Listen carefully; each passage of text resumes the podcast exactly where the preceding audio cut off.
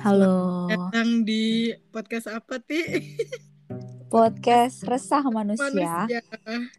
Em, podcast ini hadir sebagai bentuk keresahan kita sebagai dua manusia introvert khususnya.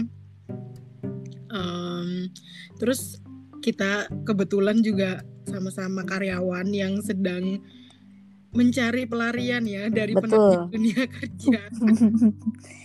Dunia kerja yang sangat penat ini ya. Iya, jadi kita eh, pengen ada kegiatan lain gitulah ya Betul, betul. di luar Maka dari itu Nah. kita membuat podcast ini eh, dan kita tumpahkan ya segala keresahan-keresahan kita. Baik itu soal pekerjaan atau soal kehidupan. David ya? bener. Iya. Percintaan mungkin hubungan percintaan bisa ya. Eh tapi kebetulan ini yang satu udah menikah dan gue masih single. Tapi bakalan apa? eh, bahas tentang sudut pandang orang menikah juga sih. Ya. Jadi di sini nanti akan ada dua sudut, Sudut pandang ya. Ya anjir Dari yang- dong. dari yang sudah menikah dan yang belum menikah akan mungkin ya Nikah enak gak sih, Ti? Nikah enak apa enggak ya? Pertanyaannya bagus fair ngomong-ngomong eh, namaku yang udah menikah namaku Asti. Iya, dan eh, bisa panggil gue Fair. ya. Oke. Eh, pertanyaannya Vera tadi itu eh, menikah enak apa enggak ya? Kita buka obrolan ini ya. Oke jadi menikah enak apa enggak itu sebenarnya tergantung ya tergantung yang menjalankan. Kalau dijalaninnya happy mungkin ya seneng ya tapi kan pasti pernikahan ada ini ya up and down. Apalagi di awal pernikahan pasti kan menyesuai eh, dalam tahap penyesuaian ya dua manusia dua kepala dalam satu ruang gitu. Itu pasti bakalan berat untuk eh, tahun di awal-awal gitu makanya banyak yang berantem kan tuh di awal-awal pasti ya karena itu penyesuaian Iya sih, tapi kalau lo sendiri nih sama suami lo, gue boleh nyebut nama suami lo gak sih? Enggak ya, gak usah. oh ya. tidak tidak cukup bapak suami aja sebutnya Eh, apa namanya kalau misalnya sejauh ini ya lo sama suami lo kan udah cukup lama juga tuh pacaran, gue tahu. kan? Nggak lama banget sih Iya sih nggak lama, tapi kan hitungannya tahunan kan. iya betul Nah kalau lo sendiri nih kan udah memutuskan untuk nikah, kayak lo perlu adaptasi lagi nggak sih Ti? perlu dong apalagi eh, gue dan suami gue gitu Mm. jadi eh, kita ini berdua sama-sama anak kosan ya di Jakarta ini Mm-mm. nah which is eh, kita punya dua apa namanya ya dua dua rules yang beda gitu gue dengan rules gue di dalam kosan gue dia dengan rules dia sendiri di dalam kosan dia paham nggak maksudnya gini paham paham paham ngerti. gue punya rule sendiri nih untuk eh, di dalam kosan gue nih untuk eh, cara meletakkan barang, cara membersihkan kosan itu gue punya rule sendiri. Dia pun begitu. Nah, ketika dalam satu ruang, satu ruangan nih dalam satu rumah, eh, gue nggak cocok sama rulesnya dia, dia pun nggak cocok sama rulesnya gue. Berantem lah di situ. Nah, apalagi anak kosan ya eh, susah ya. Maksudnya eh, kita udah punya habit masing-masing gitu. Jadi pas dis- disatuin itu pasti ada aja yang nggak cocoknya. Misal dia sering banget nyapu nyapu lantai itu dia nggak pakai apa pengki ya. Jadi langsung dikeluarin semua ke depan, which is kotorannya itu dari dalam keluar itu terbang-terbang gitu loh. Lah kalau gue pakai pengki gitu, nah itu aja tuh udah bisa bikin berantem. Sekecil itu loh ya, se- sesepele itu. Oh, itu masih i- kecil, belum yang besar-besarnya. namanya kalau gue bisa bilang tuh eh, kompleks ya sebenarnya Eh, Iya. bukan iya sih kompleks tapi eh, berarti kan ketika lo pacaran tuh lo cuma tahu se secara luarnya aja kan Iya betul. nah baru tuh eh, udah tinggal bareng udah kelihatan tuh kebiasaan kebiasaannya Benar. rules-nya. Benar. Satu nah rumah itu kan. Benar benar. Ngomongin rumah nih Ti. Kan kemarin lo tahu kan? Eh kemarin apa tadi sih Ti yang tadi malam. Twitter? Tadi malam tadi malam ya? Iya tadi malam. Tadi malam sampai tadi pagi juga kan? Iya masih. Masih ada tuh. Nah gue sih sebenarnya nggak ngikut-ngikutin banget sih tapi secara umum gitu kan secara yang gue lihat tuh eh, ada salah seorang yang nge-tweet lah. Intinya eh, kita harus punya rumah bla bla milenial lah milenial harus punya rumah. Nah kalau menurut lo sendiri nih lo kan udah nikah nih Dan sekarang punya rumah dan tinggal di Jakarta. Menurut lo sesusah apa sih eh, untuk punya rumah di Jakarta tuh? Hmm, susah ya sebenarnya. Eh, lo lo pasti tahu kan harga properti nggak di Jakarta deh, di luar Jakarta aja tuh udah gila-gilaan kan? Iya sih dan selalu naik sih setahu Dah, itu dia. Selalu selalu naik kan. itu dia. Jadi gue dan suami gue tuh alhamdulillah dapat rumahnya cepet ya. Jadi setelah setahun menikah tuh eh, tahun depannya itu gue eh, udah dapat rumah gitu, udah punya rumah. Itu tuh perjuangannya ya mati-matian. Sebenarnya gini ya, itu tuh tergantung dari masing-masing kita mau apa enggaknya nih eh seberapa kuat sih kepengen keinginan lo untuk punya rumah. Kalau lo gimana ya? Kalau kalau lo masih enjoy ngontrak, ya itu gimana ya? Ya tergantung masing-masing lah. Karena kalau gue sama suami gue waktu itu ngotot pengen punya rumah karena sayang uangnya untuk bayar kontrakan waktu itu. Karena kan mikirnya gini ya, eh, kita bayar kontrakan tiap bulan, tapi eh, itu itu kontrakan bukan punya kita, maksudnya bukan nggak jadi miliknya kita gitu. Iya jadi kayak lo ngabisin waktu tiap bulan untuk Iya. yang nggak bisa lo milikin gitu kan? Bener. Spend money untuk yang bukan kita yang kita bukan punyain gitu. Mm-mm. Nah, kalau kita bay- bayar rumah kan itu kita bayar tiap bulan itu rumah punya kita gitu kan. Nah, jadi kita waktu itu langsung aja sih.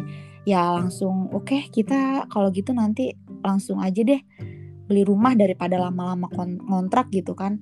Lagi ya ya udah kita cari-cari rumah, survei-survei, dapat yang cocok. DP. Nah, DP ini perlu sih. Jadi untuk beli rumah tuh ya nggak pak nggak nggak pakai daun ya. Jadi ya harus nabung memang.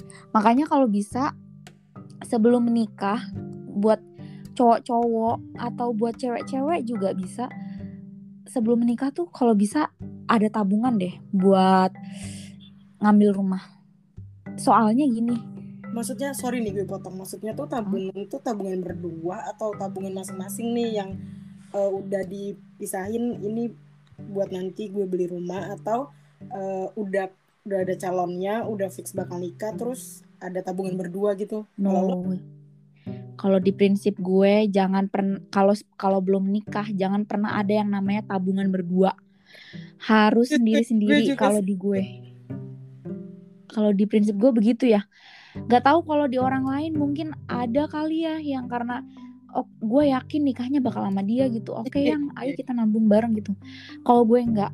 Kalau gue kalau gue walaupun gue udah yakin gue mau nikahnya sama dia sebisa mungkin gue nabungnya sendiri aja dia nabungnya sendiri aja Ki jodoh nggak ada yang tahu men ya kan Iya bener-bener bener. eh kalau dia taunya nikahnya sama orang lain nyesek nggak lo duitnya ke mana tuh? sih? Menurut gue riskan sih karena iya. eh, istilahnya gini kalau misalnya itu kan baru rencana kan baru lo Mm-mm. mau nikah. Yang orang udah nikah aja bisa cerai ya nah kan. Ini gitu kan. Iya. Menurut makanya jangan pernah deh lo kalau belum nikah jangan pernah deh nabung-nabung berdua sendiri-sendiri aja bener deh. Itu kan kemarin gue pernah nonton berita tuh Fer.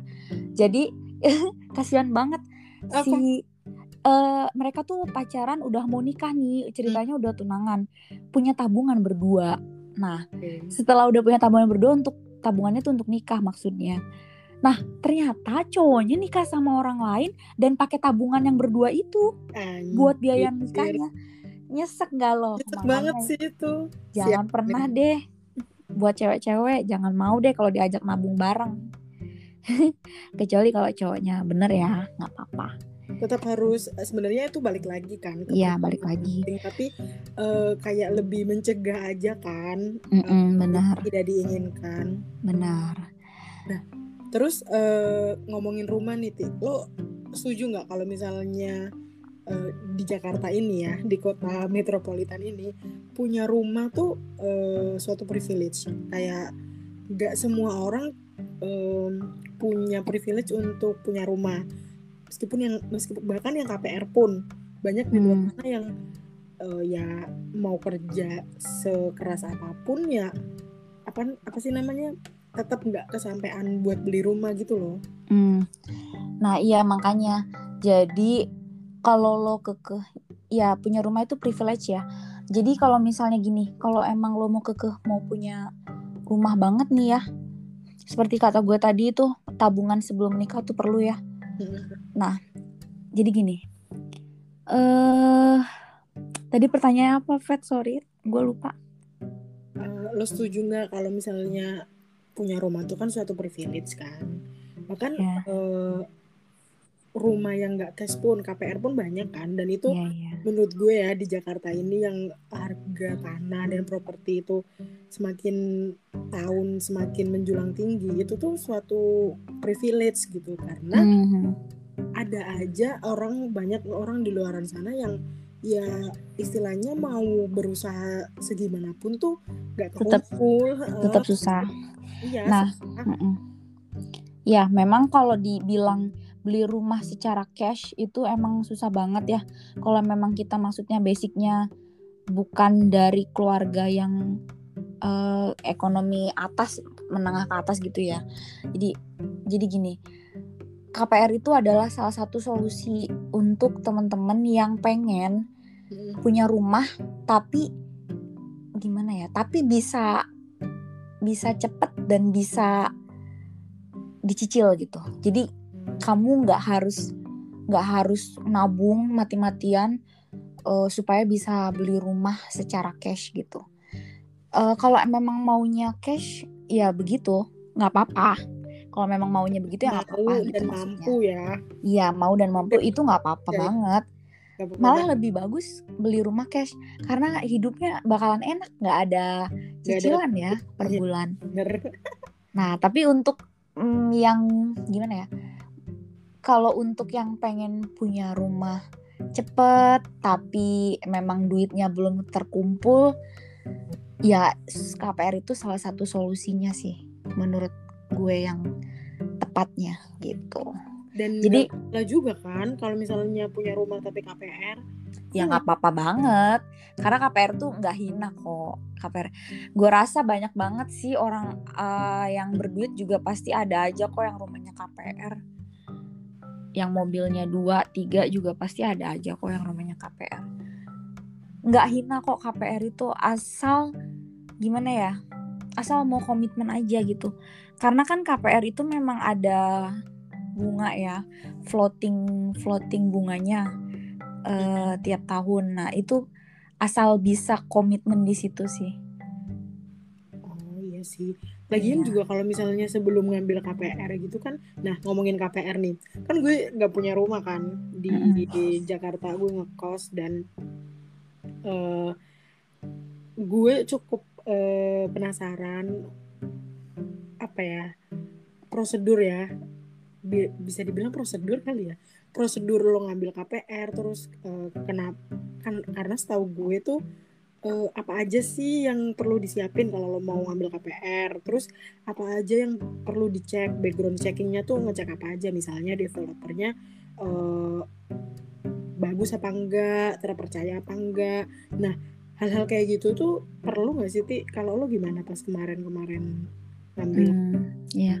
Gue jadi kayak diwawancara nih, gue di bintang tamu nih di sini nih. ya. soalnya gue tuh penasaran eh, Oke. karena gue gue juga nggak tahu sih apakah gue akan mengambil KPR di Jakarta bisa jadi gue nggak ngambil KPR di Jakarta paling nggak kan gue ada pandangan kan Iya benar-benar. Nah ini eh, dari sudut pandang gue yang sudah menikah dan sudah punya rumah ya. Untuk teman-teman yang belum punya rumah dan belum nikah. Jadi uh, kalau mau ngambil rumah secara KPR itu harus hati-hati banget ya karena gue tuh sebelum beli rumah ini mhm. bener-bener gue searching banget ya melalui apa aja gitu. Di YouTube gue juga cari-cari gitu. Maksudnya ternyata banyak banget loh developer bodong developer nakal yang memang nipu-nipu orang-orang yang mau beli rumah gitu loh. Itu kan jahat banget loh. Itu kan duit nggak kecil gitu puluhan sampai ratusan juta gitu nah jadi langkah-langkahnya itu dulu kalau gue yang pertama adalah survei udah sangat pasti. Kalau bisa surveinya jangan lewat online. Jadi harus datang langsung ke uh, lokasinya. Jadi hmm, jangan mau ya kalau misalnya diajakin marketingnya uh, misalnya kamu jauh misalnya kamu di luar kota misalnya ya, mau beli rumahnya di Jakarta gitu. Jangan mau diajakin marketing untuk uh, lewat video call aja pak gitu misalnya. Kalau bisa sih datang langsung. Gue pun waktu itu melakukan seperti itu. Gue cari rumah itu wah udah berapa rumah ya yang gue datengin? Depok, Tangerang, Bekasi itu udah gue datengin tuh beberapa perumahan, beberapa klaster. Dan yang ada kalau bisa tuh yang ada fisiknya, bangunan fisiknya ya, yang udah kelihatan. Jadi jangan yang masih tanah, apalagi yang belum dibangun sama sekali gitu. Nah karena kalau uh, gue pernah nih saat datang di satu perumahan, salah satu satu salah satu developer gitu Nah waktu itu pas gue datang itu rumahnya uh, belum jadi rumah, masih tanah kosong gitu. Baru rencana.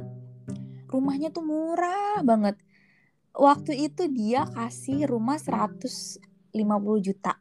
Lo bayangin, 150 juta dapat rumah. Tapi di Jakarta. Jakarta minggir sih, kabupaten, kabupatennya Bogor sih.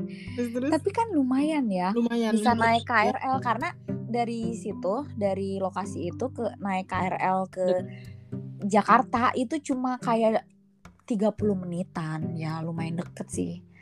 Nah, terus uh, dia bilang, gue tanya dong, ini rumah subsidi ya, kok murah banget? Oh enggak, kita nggak rumah subsidi, bla bla bla gitu kan. Tapi kok masih tanah gitu ya harganya murah tapi kok masih tanah. Gue sama suami gue tuh kayak udah curiga wah udah deh jangan deh jangan berisiko walaupun murah tapi ini beresiko banget kalau masih tanah. Karena jadi gini loh teman-teman kalau misalnya kalian ngambil rumah tapi belum ada rumahnya belum ada fisiknya itu kalian bakalan tetap ini loh apa bayar cicilan KPR-nya udah berjalan Oh. Cicilan KPR-nya tuh udah berjalan. Oh, tapi tapi rumahnya belum ada. Belum ada, tapi itu namanya KPR inden. Nah, itu lo jadi selama rumah lo selama lo sudah tanda tangan ini akad akad inden, namanya akad inden ya. Mm-hmm. Selama lo udah tanda tangan itu, lo lo tuh udah berjalan cicilan per bulannya. Cicilan KPR-nya rumahnya masih tanah, tapi lo udah bayar per bulan. Bayangin kalau misalnya developer nakal terus kabur, duit lo, duit cicilan lo ke mana tuh masuknya, ya kan? Hmm, iya nggak tahu kan? Ya kan makanya. Jadi jadi sebenarnya lo cicilnya ke bank sih. Jadi kan misalnya lo udah akad inden nih, udah setujuin, itu tuh udah di, eh, itu tuh udah di, berarti udah disetujuin sama bank dong. Berarti bank yang membayarkan rumah rumah itu, rumah yang lo pilih itu. Nah, kalau dari ke kalau dari bank ke jadi bank bayar ke developer. Nah, berarti developernya udah udah lunas dong, udah nerima uangnya nih dari bank tersebut. Jadi lo yang bayar utangnya ke banknya itu. Nah, developernya bisa kabur, tapi lo tetap terus bayar cicilan ke banknya. Bank nggak mau tahu, bank nggak mau tahu. Soalnya bank udah udah bayar Bener. developer Benar. Sekarang giliran kita, giliran lo untuk bayar. Bayar kewajiban lo, uh, bang nggak mau tahu. Benar mau itu rumahnya udah ada, mau itu belum, bang nggak mau tahu. Yang yang jelas lo harus bayar sampai lunas 150 juta gitu. Makanya hati-hati banget. Surveinya benar-benar harus benar-benar detail. Kalau bisa itu lo cari track record, cari tahu track recordnya si developer tersebut. Kalau gue waktu itu gitu. Jadi gue mau tahu nih perumahan ini nih developer siapa sih? Terus gue cari di internet di Google. Developernya uh, bla bla bla gitu gue cari gue search. Ada dan track recordnya bagus. Oh oke. Okay. boleh nih kita ambil ini ya gitu. kalau misalnya mau beneran uh, apa ya uh, cari rumah gitu kan terus KPR gitu bener-bener emang harus meluangkan waktu ya. Bener bener. Itu gue 6 sampai 7 bulan. 6 apa 7 bulan gitu untuk cari rumah waktu itu. Emang emang makan waktu banget dan capek banget sih, menguras tenaga dan pikiran dan waktu dan uang pastinya. Capeknya gitu. di survei sih ya, mungkin karena ke sana kemari gitu kali. Benar, benar. Ya sama aja kayak gue nyari kosan sih ya. Benar, makanya mungkin kawan kosan udah biasa ya. Iya, kosan kan nggak sekompleks uh, eh, KPR ya. Benar. Atau, uh, karena kalau misal kosan gue nggak betah bisa pindah. Iya benar. Nah kalau rumah kan selamanya gitu kan. Iya harus nyaman mungkin ya. Bener. Benar. Lo lo nah ini juga penting nih beli rumah. Beli rumah itu jangan cuma sekedar ngelihat rumahnya bagus doang. Mm-hmm. Jangan ngelihat ih rumahnya bagus ya gitu, kompleknya bagus, elit gitu, semi semi elit gitu. Jangan cuma lihat itunya aja lo juga harus lihat lokasinya, uh, perkembangan sarana transportasinya, sama apa ya? Ya sama ininya. Itu nggak ya? sih? Fasilitas yang ada di situ. Oh, kayak dekat supermarket apa? Nah betul rumah sakit, supermarket. Masa. Nah lokasi, lok apa namanya? Apa tadi gue bilang yang pertama? Transportasi, fasilitas. Yes transportasi. Lo harus lihat tuh transportasinya. Transportasinya ini apa adanya mbak pilihan pilihan untuk ke tempat kerja lo banyak kan nih? Ini untuk yang untuk khusus untuk yang naik transportasi umum ya. Kecuali kalau bawa kendaraan sendiri itu terserah ya. Nah ini uh, pilihan transportasinya banyak kan nih untuk menuju ke kantor lo gitu kalau memang cuma adanya KRL doang gitu. Gue pernah nih gue udah mau DP-in rumah di di Parung Panjang di Kabupaten Bogor. Itu dia oke okay banget kompleknya. Tapi transportasinya untuk menuju ke Jakarta itu cuma KRL doang. Nggak ada busway nggak ada MRT apalagi ya gitu. Jadi mm-hmm. bener-bener cuma KRL doang. Bis kota aja nggak ada. Nah gue mikir-mikir gini loh KRL kan uh, di waktu ya bat ada batas waktunya gitu kecuali kalau sewaktu-waktu gue lembur pulangnya malam uh, udah nggak ada kereta gitu gue mau pulang naik apa ya kan bingung gitu. Iya bener-bener nah itu harus jadi pikiran juga. Kebetulan rumah gue yang sekarang ini pilihan transportasinya banyak alhamdulillah. Itu menjadi salah satu pertimbangan gitu. Apa dan itu juga bisa jadi ini loh nilai jual rumah loh. kalau ya. kalau nanti kalian mau jual lagi rumahnya itu bisa jadi nilai plus buat kalian. Bisa buat jualan gitu loh. Eh de, uh, ada deket ke terminal deket ke stasiun gitu. Deket ke uh, stasiun LRT gitu. Itu sangat wah itu udah nilai jual tinggi tuh. Apalagi kalau deket sama stasiun LRT tapi gitu. kan lo tadi sempat mention ah, kalau mau dijual lagi, emang bisa dijual lagi ya, Ti? Bisa dong. Bisa. Even ini belum lunas KPR-nya, apa harus Oh, kalau belum lunas KPR itu namanya over kredit. Bukan oh, jual. Pindah. Ya. Iya, pindah. Hmm. Kalau dijual tuh ya, ya kalau udah lunas dong. Gitu ya. Jadi kalau kalau apa tadi namanya? Kalau mau dijual lagi tuh ya harus lunas dulu ya. Kalau belum lunas namanya over credit.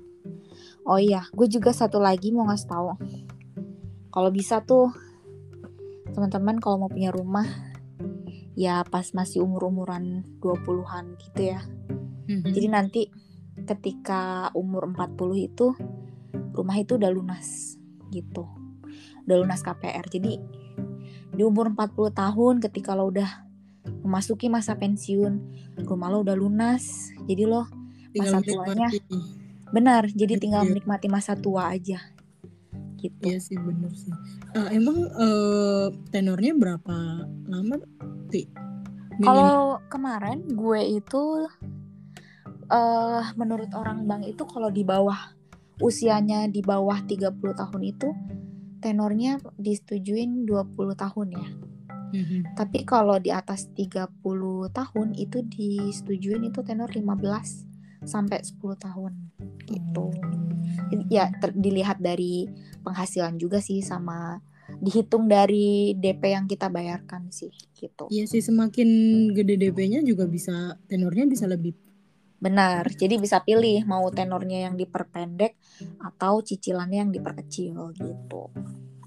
cicilannya yang diperpanjang eh diperbanyak perbesar dong. Perkecil dong cicilan per bulan. Oh iya deng tenornya dipanjangin apa cicilannya di Oh iya ya, sorry sorry. sorry. Tenornya dipendekin apa cicilannya dikecilin. Oh, ada- gitu. Oh, Jadi lo Ada lo kalau misalnya DP-nya besar, lo bisa pilih nih eh, cicilannya kecil apa tenornya ini yang kecil gitu ya? yang dipendekin gitu.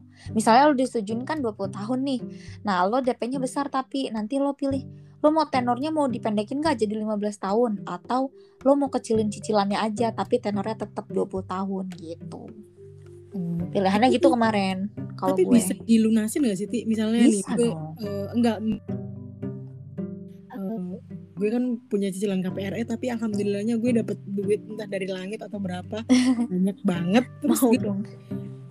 lunasin gitu Eh, gue nggak tahu ya di ini awal gitu loh gue nggak tahu ya ini di semua bank atau enggak kalau gue kemarin di bank di bank yang gue KPR ini bisa bisa namanya di bom ya.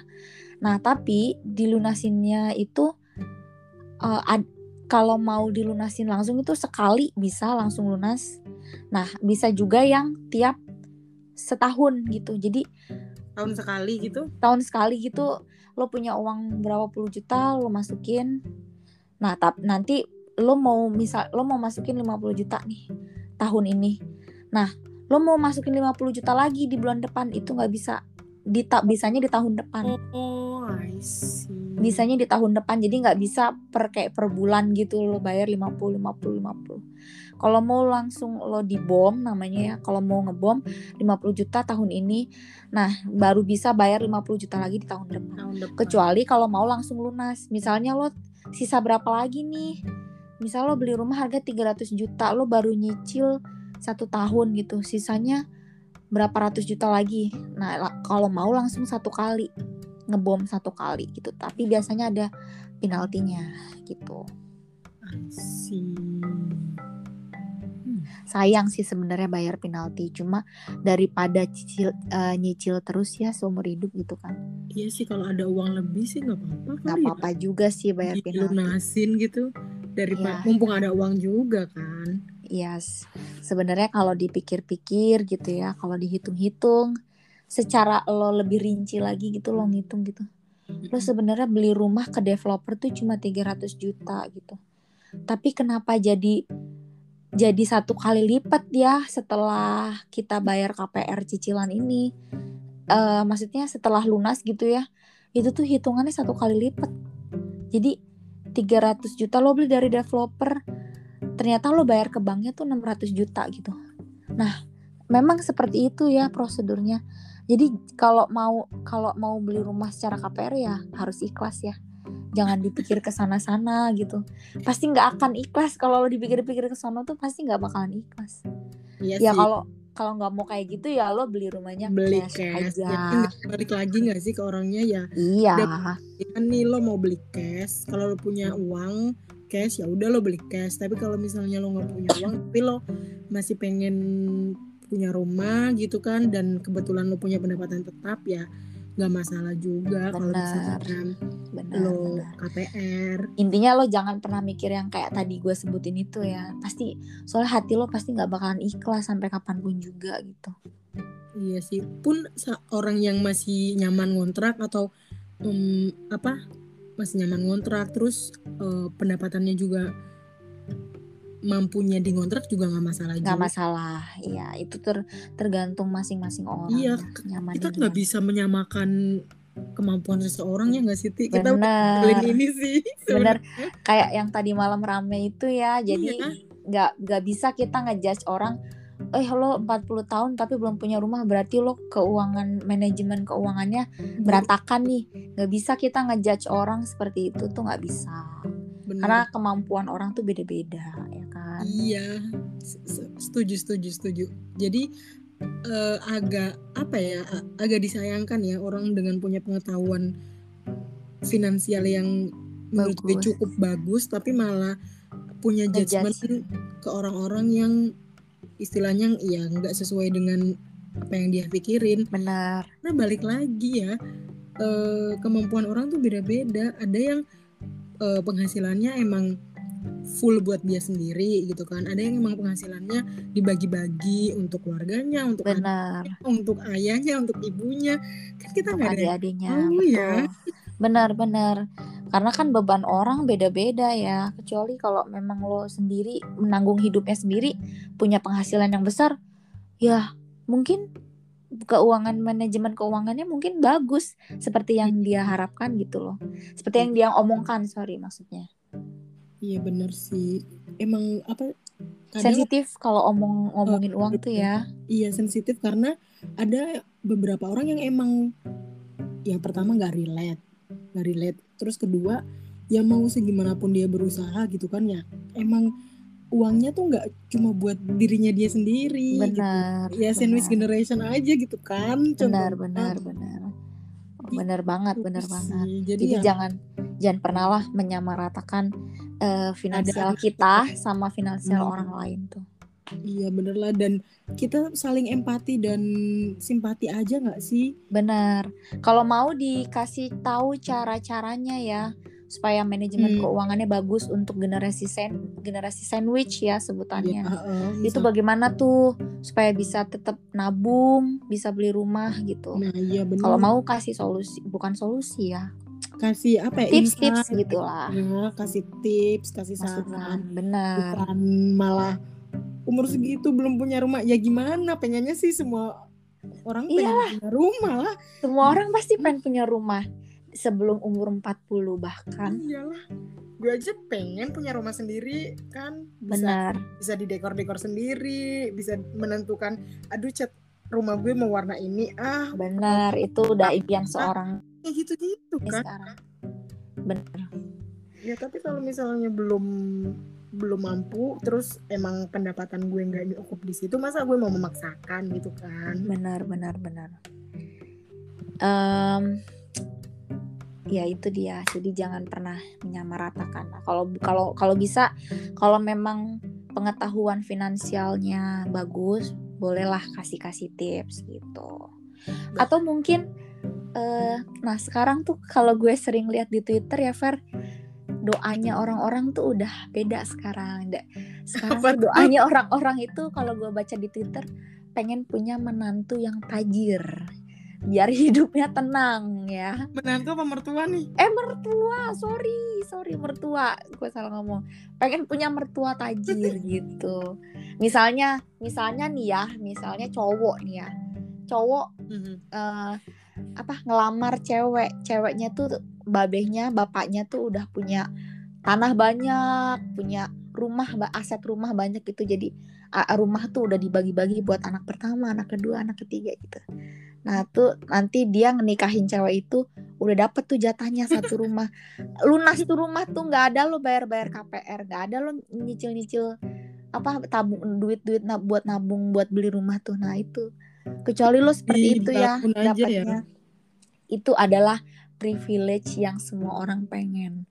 Iya sih benar ya benar kan? Apa jadi gimana eh, untuk lo Fer, Fer yang mau apa yang belum nikah cita-cita lo pengen punya mertua tajir apa pengen punya rumah? KPR Em, gue pengen lebih pengen apa ya?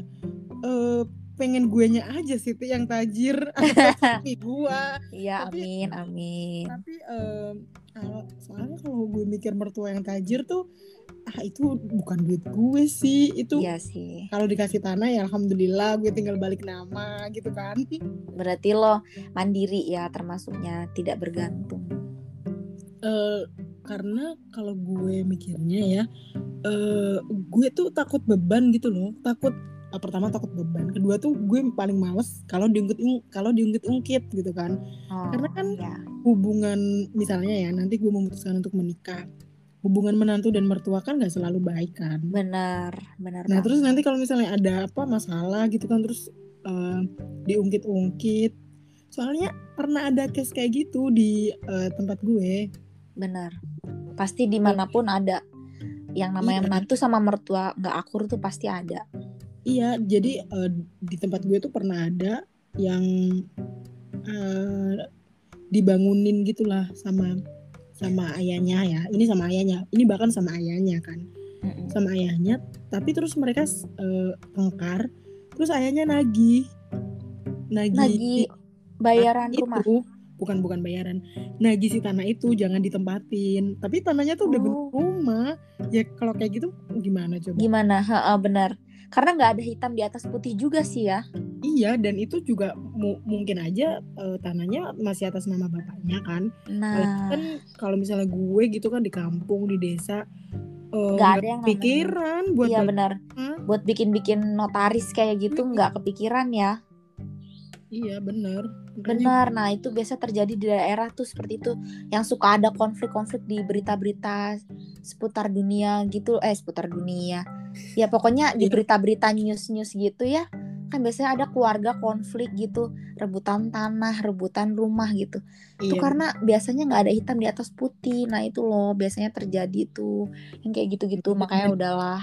dan mereka bisa. aware gitu loh kayak benar. Eh, ini rumah gue tinggalin misalnya ya, tapi kok nggak atas nama gue? Itu sih harusnya mereka apa ya khawatir ya. khawatir karena siapa tahu bisa sewaktu-waktu diusir ya kan Nah, sama yang gue jadi punya. inget juga ini kejadian sama keluarganya sahabat gue bener bener sahabat gue kenapa tuh Jadi eh, mereka tuh udah tinggal lama kan, misalnya di desa A gitu kan. Mm-mm. Terus tiba-tiba aja ada orang datang ke rumahnya bilang kalau ini tanah punya dia, punya Hmm. si misalnya ibu ini gitu kan. Mm-mm. Nah sementara keluarganya sahabat gue ini nggak bisa membuktikan secara sertifikat tanah karena ini tanah pemberian orang tua. oh Nah, gitu rumit ya rumit nggak tahu gue konfliknya kayak apa intinya keluarganya sahabat gue ini secara tidak langsung diusir untuk pergi dari rumah itu ya ampun rumit banget. Iya kan makanya eh, harus makanya kan. perlunya hitam di atas putih tuh emang itu sih. Apalagi di zaman sekarang ya di zaman orang yang gila harta banget gitu ya. Iya sih bener. Eh, pokoknya kalau misalnya kita nggak punya bukti secara sah di mata hukum gitu kan le- legal gitu ya kita bakalan kalah. Iya benar. Ya entah tanah benar. apa pun deh ya contoh kecilnya tanah kan yang masih yang masih apa namanya eh, banyak terjadi kasus-kasus kayak gitu yang terutama di daerah di desa. Benar. ini bukan gue nggak suka sama desa ya cuman gue ngambil Nggak. ngambil apa namanya kasusnya yang contoh sering kasus. ditemuin gitu iya. benar ya. Ya itu kan yang memang lo sering temuin di sekitar lo kan. Iya benar-benar oke kalau gitu kesimpulannya karena ini udah 43 menit nih Fer. Eh lama juga ya Kita- kita lama ngobrol. juga kita ngobrol ya. Ini kesimpulannya jadi gimana nih? Ya eh, kesimpulannya kalau menurut gue ya em, kalau ngobrolin dari tadi kita ngobrolin menikah itu masih perlu adaptasi lagi ketika menikah. Even kalau pacarannya lama pun nggak menjamin ya untuk nggak Betul. beradaptasi lagi. Itu yang Betul. pertama. Kalau yang kedua tuh eh, nggak semua orang punya privilege untuk punya rumah. Betul. Jadi ya udah kita saling simpa- simpati dan empati aja. Benar. Karena ngomongin rumah dan uang tuh sensitif banget. Sensitif sensitif banget Eh, keadaan finansial orang tuh beda-beda. Jadi ya udah mencoba untuk menghargai benar. berempati bersimpati. Udah cukup sih menurut gue kalau kayak gitu. Benar jangan menyamaratakan iya. kehidupan finansial kita dengan orang lain gitu. Iya sih dan yang terakhir sih apa tadi ya hitam di atas putih itu penting banget. Penting banget. Jadi jangan pernah ngeremehin ya ah udah deh kan gue dikasih sama mertua gitu rumah. Iya heeh. jadi tapi kan itu rumah masih atas nama mertua bisa-bisa lo diusir sewaktu-waktu ya nah kan? bener banget Nah, harus itu tuh dulu kan? harus lebih aware lah gitu masalah hukum kayak gitu ya. Iya bener bener gitu oke. Kalau gitu udah Ah, kali ya Ti. ya obrolan ini kita tutup aja sampai Eh. sini. Next episode kita bakalan ngobrol apa lagi ya Fer? Nanti kira-kira mikir kali ya kita punya keresahan apa gitu kan ya? Benar. Benar. Nanti kita tuangkan di podcast ini. Benar. Dan gue eh, ma- makasih udah yang udah nonton eh nonton lagi. Nonton. Makasih yang udah denger Dengar. podcast ini. Kalau kalian nanti denger sorry banget. Kita masih pemula jadi benar banget. Masih belajar. Iya, kita masih belajar. Kritik dan saran juga boleh sih. betul. Ya kalau mau komen ya. nggak ada kolom komen nih ngomong-ngomong apa Iya. kita masukin aja di YouTube nih supaya bisa komen orang-orang Boleh, boleh. Nanti kita coba masukin di YouTube biar eh, ada kritik dan sarannya gitu kan ya, biar benar siap bisa siap lebih berkembang anjay, berkembang. Oke, kalau gitu kita tutup Oke. aja. eh sampai di sini dulu. Selamat malam, selamat beristirahat semuanya. Bye bye. Wassalamualaikum.